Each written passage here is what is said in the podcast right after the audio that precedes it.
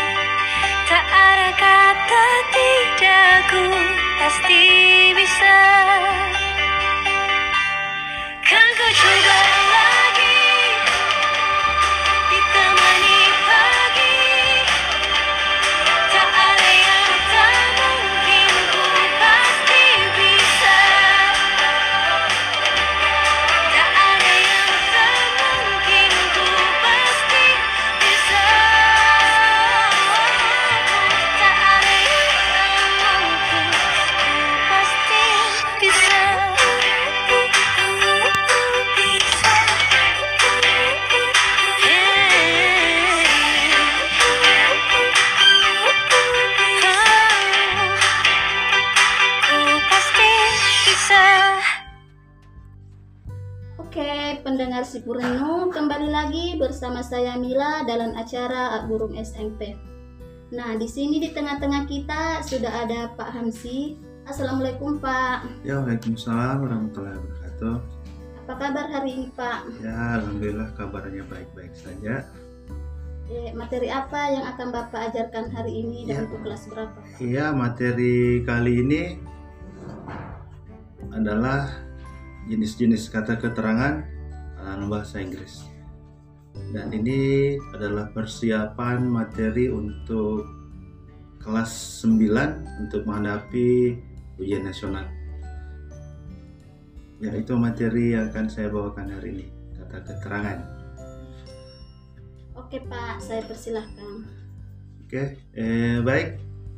Eh, anak-anak di rumah, seperti biasa, sebelum saya lanjut, sebelum saya mulai, ada baiknya anak-anak di rumah siapkan ballpoint dan kertasnya mencatat apa-apa saja yang mungkin bisa dipelajari, mungkin bisa dicatat di sini. Baik, saya mulai saja. Ya, pembahasan kali ini adalah kata keterangan. Ya, kata keterangan dalam bahasa Inggris biasa juga atau dikenal dengan sebutan adverb. Kata keterangan dalam bahasa Inggris disebut dengan adverb. Adverb ini artinya harus dipahami oleh siapa saja yang mungkin ingin belajar bahasa Inggris. Kenapa? Hal ini dikarenakan kata keterangan menjadi bagian terpenting dari satu part of speech, di mana kata keterangan ini akan berkaitan dengan kata kerja, kata sifat, dan kata keterangan yang lain. Kemudian pertanyaannya, apa itu adverb? Apa itu kata keterangan? Kata keterangan adalah kata yang digunakan untuk mendeskripsikan suatu hal dalam kalimat. Kata keterangan ini banyak ditemukan dalam percakapan dan dengan memahami sedikit materi adverb kita bisa belajar sedikit demi sedikit dalam penggunaan bahasa Inggris dan mengenai penggunaannya Kata keterangan dalam bahasa Inggris terbagi menjadi beberapa jenis, seperti interrogative adverb, adverb of manner, adverb of frequency, adverb of place, adverb of degree, adverb of time, dan masih banyak lagi yang lain. Bagi teman-teman yang ingin lebih memahami kata keterangan dalam bahasa Inggris, ada baiknya teman-teman sekali lagi menyiapkan buku, ballpoint, dan mencatat apa-apa saja itu. Oke, kita masuk di pembahasan yang pertama, adverb of manner. Jenis kata keterangan yang satu ini mendeskripsikan cara atau bagaimana sesuatu hal bisa terjadi ataupun dilakukan. Dalam hal ini, adverb of manner dipakai untuk menjawab pertanyaan yang di mana pertanyaan tersebut adalah how.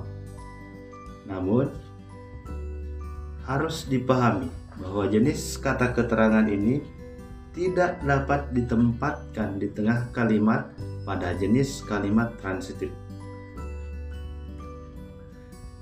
Kemudian perlu diketahui juga bahwa kata keterangan adverb of manner ini ternyata memiliki tujuan untuk menarik perhatian.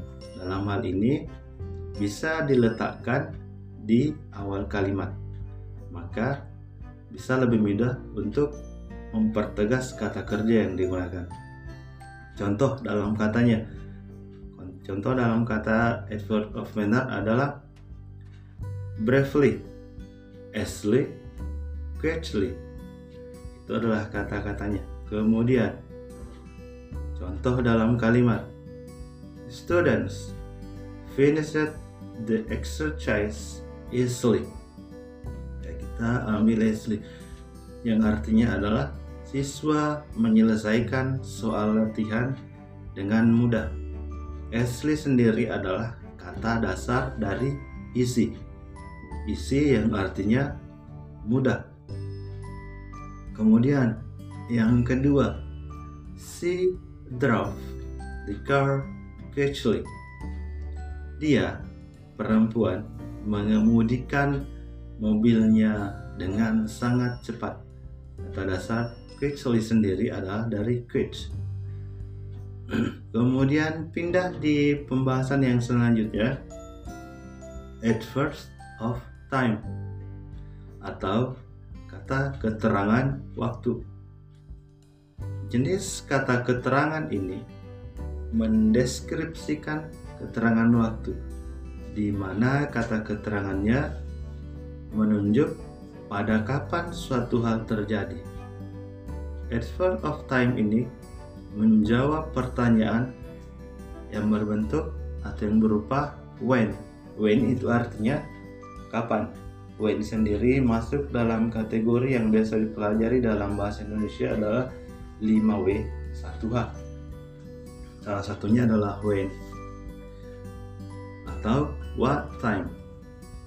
Perihal penempatannya, adverb of time diletakkan di depan atau di akhir kalimat. Sekali lagi, untuk teman-teman di rumah, penempatan adverse of time diletakkan di depan atau di akhir kalimat. Contoh, in the afternoon yang berarti pada siang hari. Afternoon itu adalah siang. Kemudian now. Now. Sekarang. Ya bukan no. Kalau no cuma huruf N dengan O. Kalau now huruf N O dengan W dalam bahasa Inggris dibaca now. Sekarang. Kemudian yesterday. Yesterday yang artinya adalah kemarin. Kemudian yang selanjutnya adalah tomorrow yang berarti besok. Oke, sedangkan kita buat contoh dalam kalimatnya. School meeting will be held in the afternoon. School meeting will be held in the afternoon. Rapat sekolah akan diadakan siang hari. Ada afternoon. Kemudian contoh yang kedua. I will go to grandmother house now. I will go to grandmother house now. Yang berarti adalah saya akan pergi ke rumah nenek sekarang. Nah, di situ dipakai now yang artinya adalah sekarang. Ya, seperti definisinya tadi di atas, perihal penempatannya kata keterangan waktu diletakkan di depan atau di akhir kalimat. Kemudian contoh yang ketiga. He bought the book yesterday. He bought the book yesterday. Dia laki-laki membeli buku kemarin. Ya, ini adalah contoh dari adverb of time.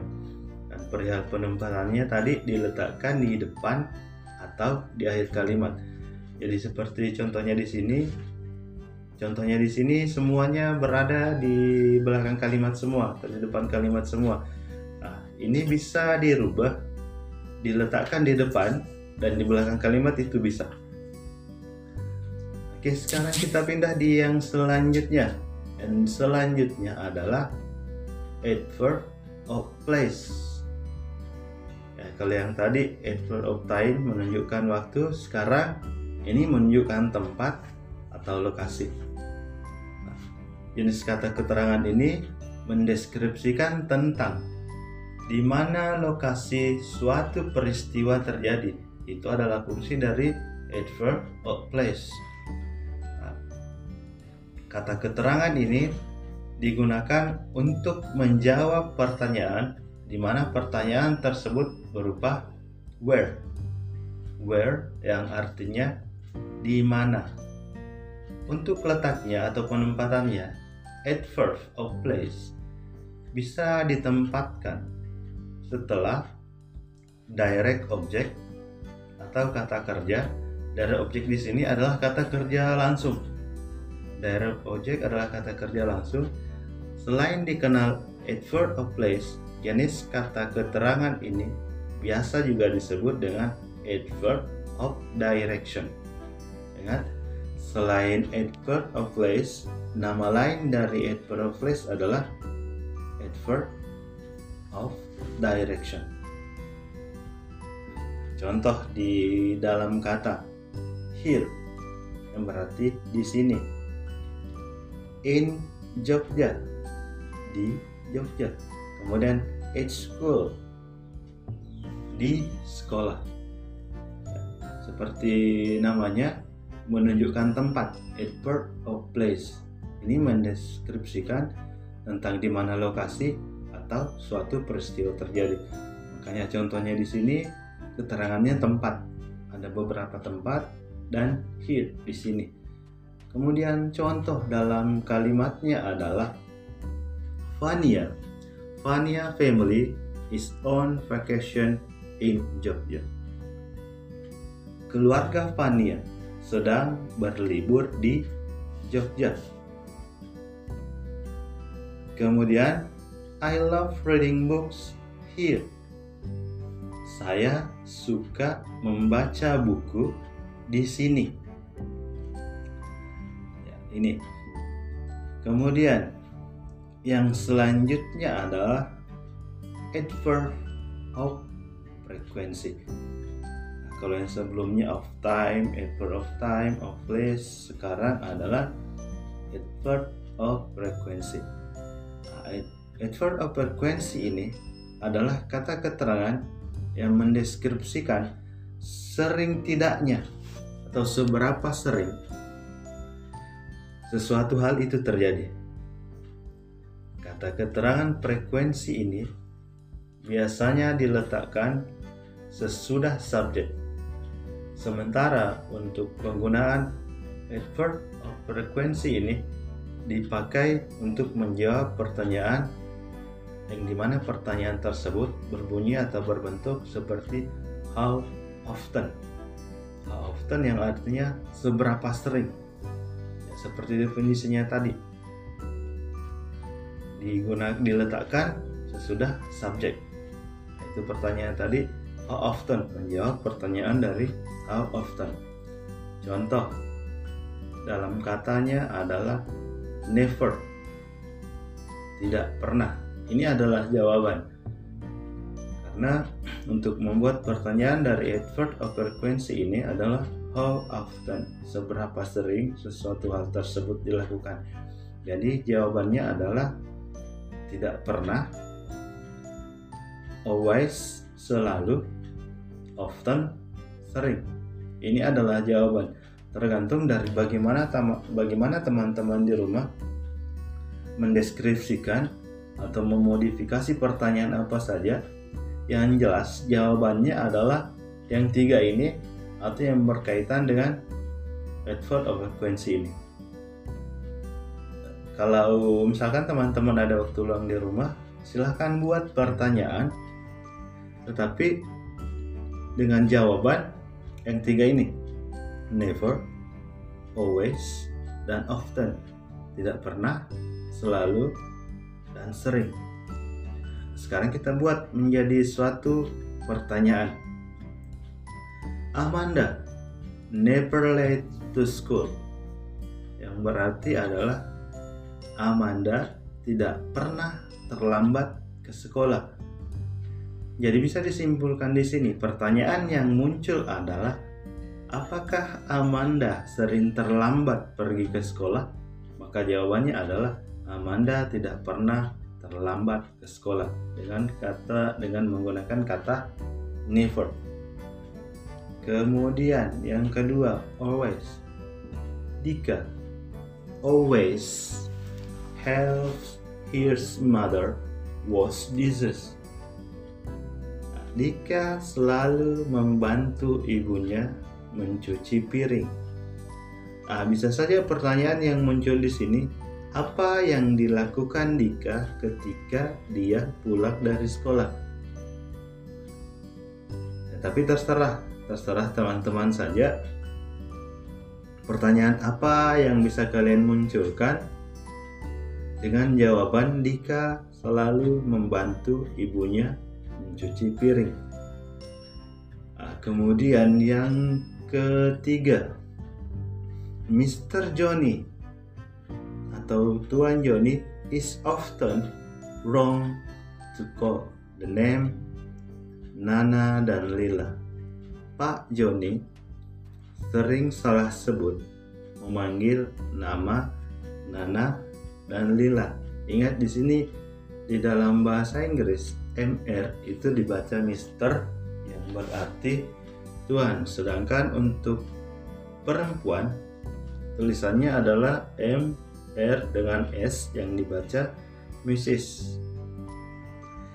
Oke, kemudian yang selanjutnya adverb of degree. Selanjutnya adalah adverb of degree. Adverb of degree adalah kata keterangan yang menjelaskan tingkatan digunakan saat menjawab pertanyaan what degree.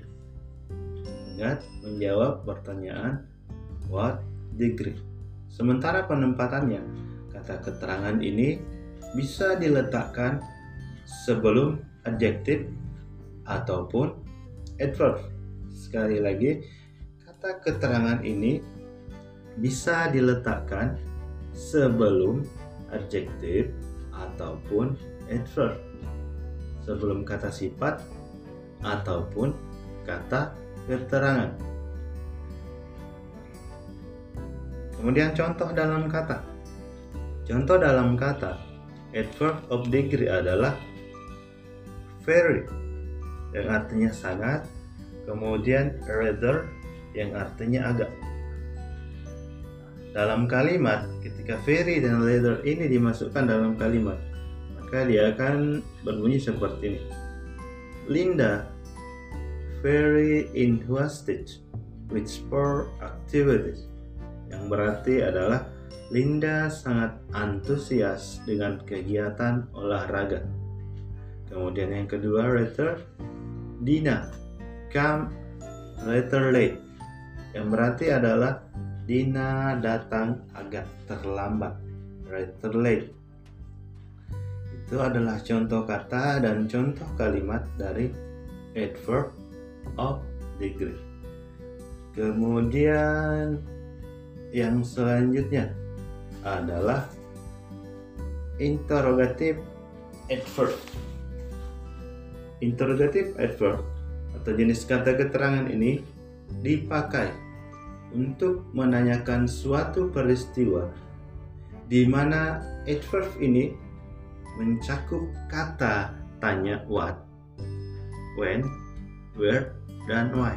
Kalau yang tadi interrogatif-interrogatif yang lain atau adverb adverb yang lain itu bergantung pada satu pertanyaan ya, bergantung pada satu pertanyaan seperti adverb of time bergantung pada satu pertanyaan kemudian adverb of place bergantung juga pada satu pertanyaan yaitu where. Kemudian adverb of frequency juga bergantung pada satu pertanyaan yaitu how often.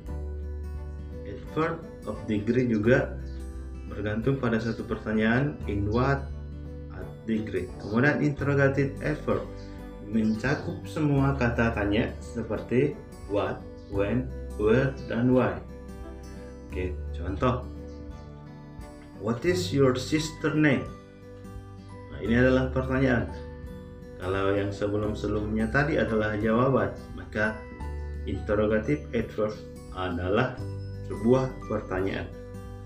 Pertanyaannya adalah what is your sister name? Siapakah nama kakakmu? Ingat, kakakmu di sini sister adalah perempuan. Kalau pertanyaannya adalah what is your brother name? Maka yang ditanyakan adalah nama kakak laki-lakimu. Kemudian yang kedua, when? When did you come to my house?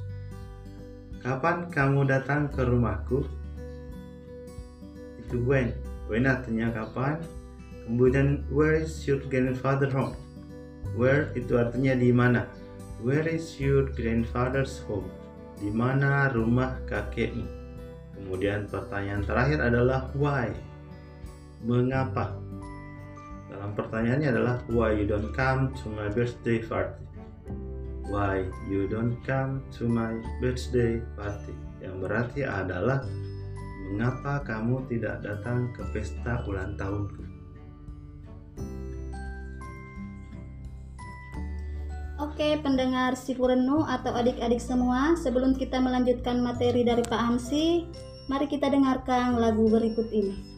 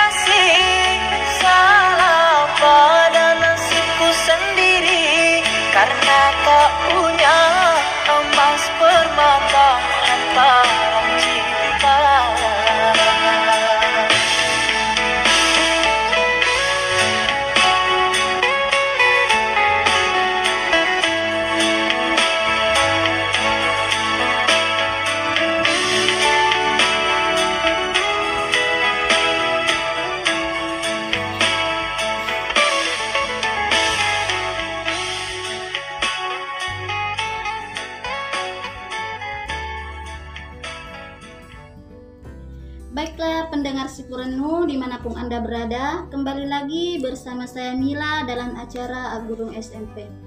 Dan silahkan Pak untuk melanjutkan materinya. Oke, eh, baik. Kita lanjutkan lagi. Eh, review sedikit. Review sedikit sebelum break tadi.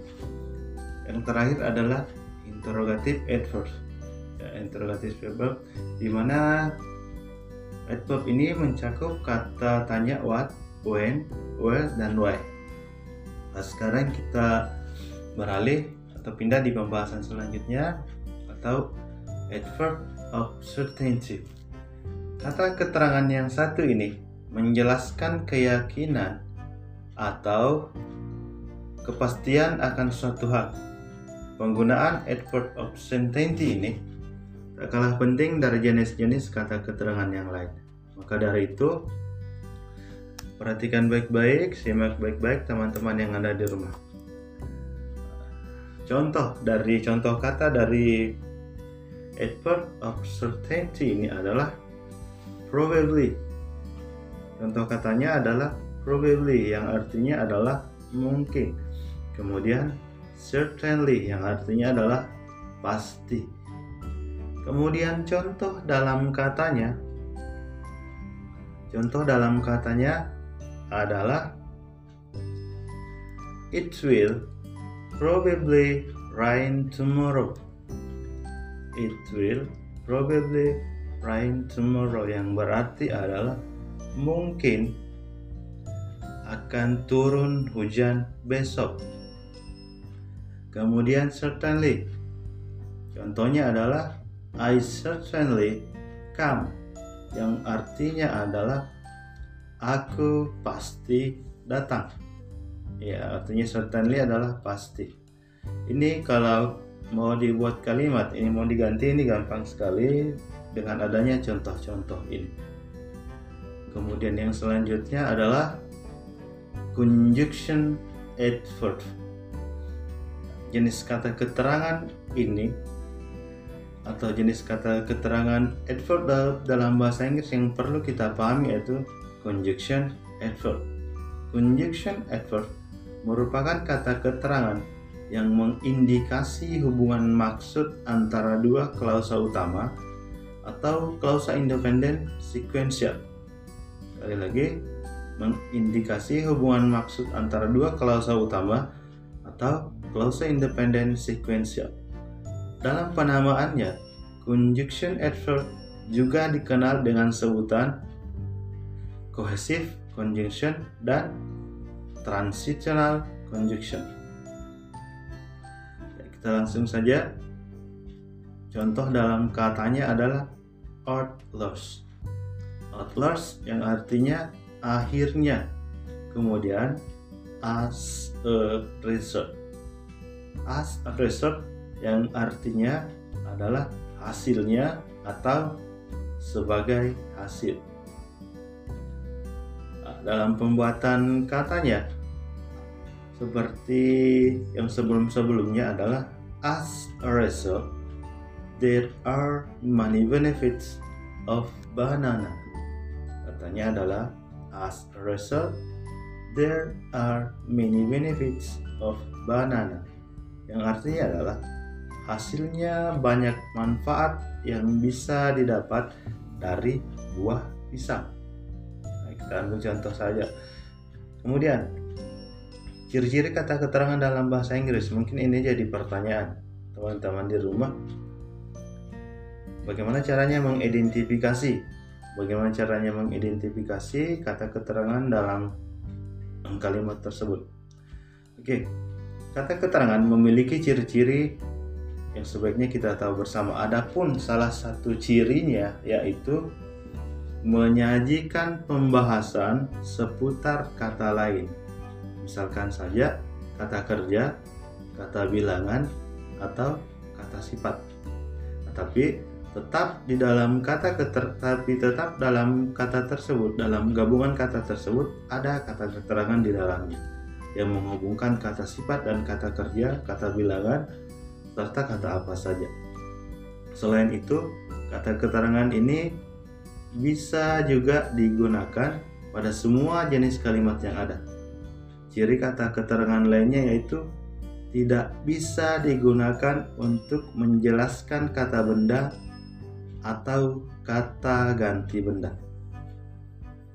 Ya, itu ciri-ciri dari kata bendanya.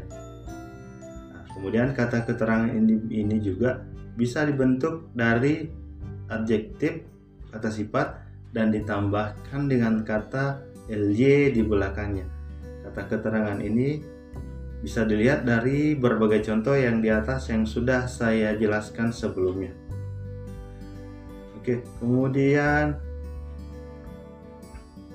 ciri-ciri selanjutnya kita harus bisa membedakan kata keterangan jenis kata dalam kalimatnya. Oke, baik, saya kira materinya tentang kata keterangan cukup sampai di sini. Semoga menambah pemahaman Anda sebagai bekal untuk persiapan menghadapi ujian. Semoga sukses di sukses di ujian tahun ini. Terima kasih untuk perhatiannya. Terima kasih untuk hari ini. Assalamualaikum warahmatullahi wabarakatuh. Oke, pendengar Sipurenu, itulah tadi materi yang disampaikan Bapak guru kita, Pak Hamsi, sangat menarik sekali. Semoga apa yang diajarkan oleh Pak Hamsi hari ini dapat adik-adik pahami dengan baik ya. Dan untuk Pak Hamsi, terima kasih sudah menyempatkan waktunya untuk hadir di studio kami dan memberikan materi pada hari ini.